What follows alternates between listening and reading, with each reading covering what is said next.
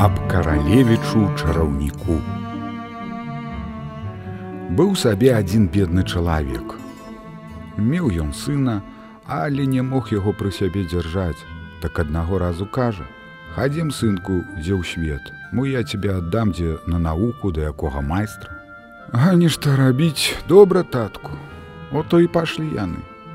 Ідуць так ідуць ажно ў лесе спатыкае іх, нейкісьці стары чалавек ды да пытае а куды ж вы ідзеце іду кажу у свет модзе сына аддам да майстра на навуку о тому мне аддайце я яго за тры леты ўсяго вывучу так то чалавек узрадаўся што не трэба ўжо далей ісці пакінуў сына а сам згарнуўшыся пайшоў да хаты не ведаючы што ён чараўніку сваё дзіця пакінуў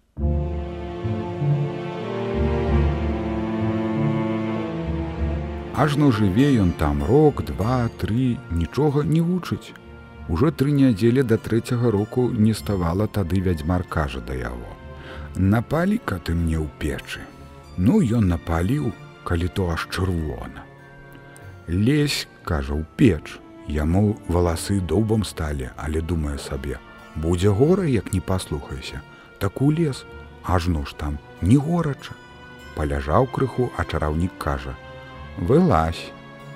Ён зараз жа вылез, да тады ў лес чараўнік, а паляжаўшы крыху вылез да і кажа: « Ну, дзяціна, будзеш ты разумнейшы ад мяне. І аддаўшы яму такое лычка, кажа: « Як уже ця бацька забярэ, то будзеш перакідвацца ў коні, сабакі ды ўсё. І навучыў яго, як гэта рабіць трэба. Адно скажы кажа свайму бацьку каб не браў больш за цё на кірмашы як 100 злотых да і каб лычыка часам не аддаваў. Бо як пакіне на табе то ты уже немагчымеш перакінуцца ў чалавека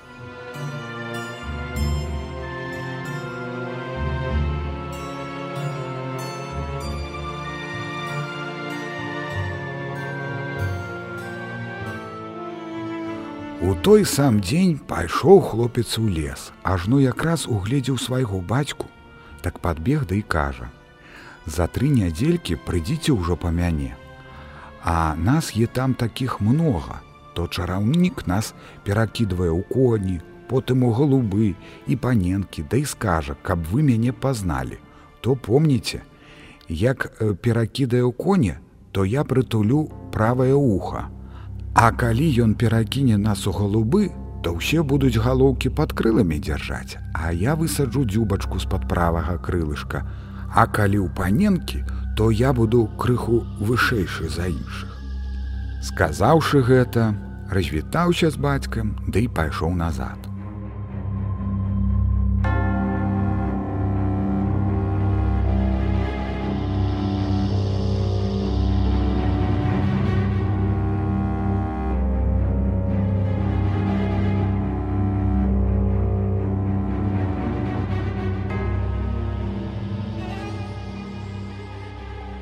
У тры нядзелькі якраз прыходзіць да чараўніка бацька яго, так што чараўнік затрубіў на мядзвежную трубу, аж бач з усіх старон паразлеталіся коні ржаныя, а гэта ж усё былі хлопцы. Тады чараўнік кажа: « Ну, чалавеча, пазнавай жа цяпер свайго сына, ці ўзнаеш. Той ходзіць ад каня да каня глядзіць, ажно ў аднаго прытулена уха правае ці патрапіў кажа ці не але гэта мусіць ці не мой сын? Няўжо ж гэта праўда гэта ён. Потым наперакідаў іх у галубы так ягоны сын высадзіў дзюбачку. Так ён кажа вось то мусіць гэта ну гэтыя разы адгадаў якраз паглядзім жа аж цяпер ці пацэліш.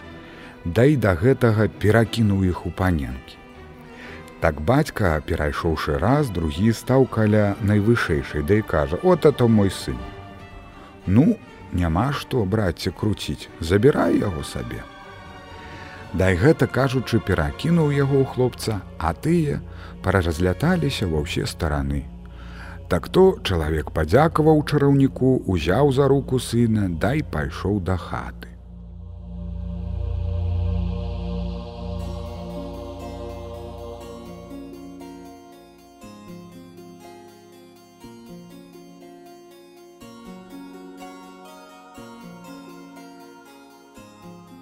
Ідуць яны так ідуць, ажно ў лесе сталі птушкі спяваць. Так хлопец кажа: « Тату, знаеце, што яны спяваюць. Ці хто гэта ж знае. А я такі знаю, яны кажуць, што я буду ногі мыць, а тата будзе тую ваду піць. О ўжо ж гэтага не дажджэшся, ты кажа, каб я тую ваду піў. Ну, палядзіма і пайшлі далей.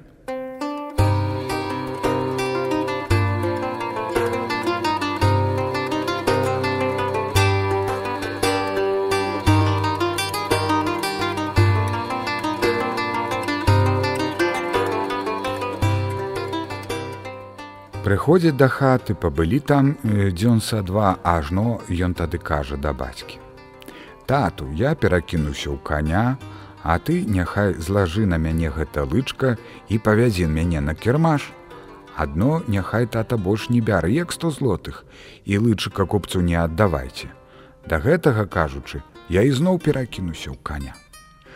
Бацька, злажыўшы лычыка на яго прыводзіць на кірмаш, Адно зараз жа ж і знайшоўся купец і пытае: колькі ж просіце.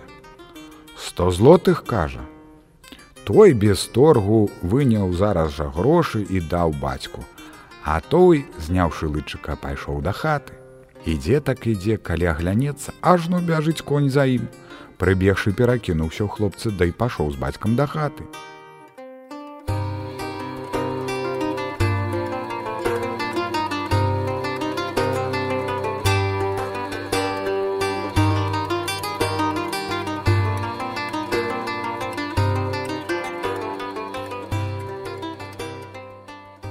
На другі кірмаш перакінуўся уже ён у вогера. Прывёў бацька яго да месца, пастаяў крыху, ажны падыходзіць нейкі чалавек. А гэта быў той самы чараўнік, але ж бацька яго не пазнаў. Колькі вы, кажа, за яго хочаце. Тысячу, кажа, рублёў. То добра, калі не ўступіце. Да і гэта выняў, заплаціў, ногу закінуў на каня, пайшоў, А той тады агледзеўся, ды і то крычыць: « Паночку, аддайце лычыка маё, аддайце. Э, годзі, не ў мяне ты лычыка дастанеш. Ну, бацька ж нема рады, пайшоў дамой да хаты.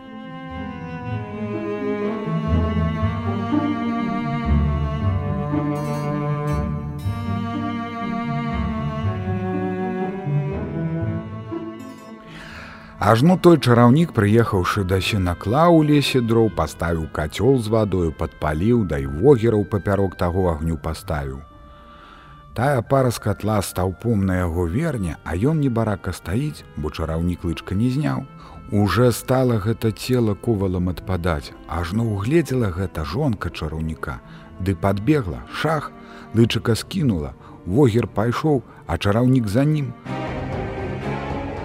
прылетаюць пад бераг ракі і стаў ён вокунем, а чараўнік шчупаком і давай яго ганяць. Ажно над берагам некая здзелка з каралеўскага двара хусці мыла, да хлопец стаў хорошым пярсцёнкам і ускочыў той дзяўчыне на палец. Яна адраклася ад таго хусця, да і пабегла з пярсцёнкам да каралеўны. А каралеўна, угледзеўшы, не магла здзівіцца, бо такі быў хорошы, да і то адкупіла ў яе ад той дзелкі.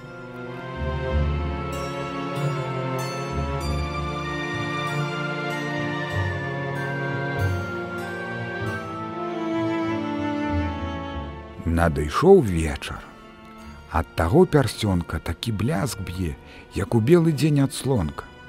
Каралеўна днём носіць на пальцы, а ўночы кладзе яго пад падушку. Тады ён перакідаецца ў хлопцы і гаворыць ёю, ну ўсё, што хоча. У колькасць дзён прыходзіць той чараўнік да караўлеўны ды да і кажа, што ян дасць за той адзін пярсцёнак 15 харашэйшых. А яна падумаўшы кажа: « Тое добра, адно прыйдзіце ж заўтра. Як легла ўжо спаць, так ён ёй кажа: « Як прынясе заўтра чараўнік пярсцёнкі, то вы, як будзеце мяне даваць, упусціце на зямлю, то я перакінуўся ў мак, а то вы на адну зярнятка наступіце. А як чараўнікі ўжо ўсё пазбірае, то паднясіце нагу. Яна так і зрабіла. Назаўтра прыходзіць чараўнік і падаў ей тыя пярсцёнкі, а яна яму свайго даючы упусціла на зямлю. Так поўна і ў пакою зрабілася маку. Тады чараўнік перакінуўся ў пеўня і стаў збіраць той мак. Як пазбіраў яна ногу падняла, так як з гэтага зярнятка маку зрабіўся шуляк і задзёр пеўня. Потым ужо каралеўня, канешне, захацелася за яго пайсці замуж, бо надта ён быў даспадобы.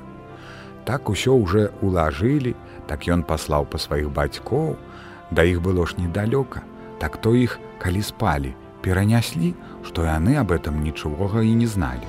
Паклалі іх у палацыю, у такім хорошенькім пакоі, што ай-ёй. Назаўтра прачнулася яго маці, як гляне, аж ёй увачу зазіяла думала што ў раі так давай будзе деда деду деду устань а бач мусіць мы ў раі. Глядзь якое ўсё хорошее але кажа мусіць у раі.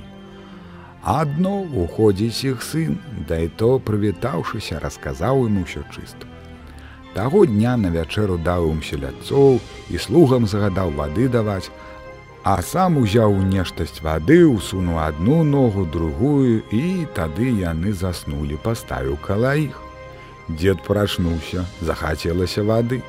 Так мац, мац ажно стаіць, дык ён напіўся. А той яго сын з-пад дзвярыма услухаў, дык выбег ды да кажа: « А што тату, уласне я вам не казаў, што я буду ногі мыць, а вы гэтую ваду піць. Але сынку ж казаў, А то ж я ў гэтай вадзе ногі мыў, а вы яе выпілі. Ну калі вада чыстенька і ножкі твае чыстенькія.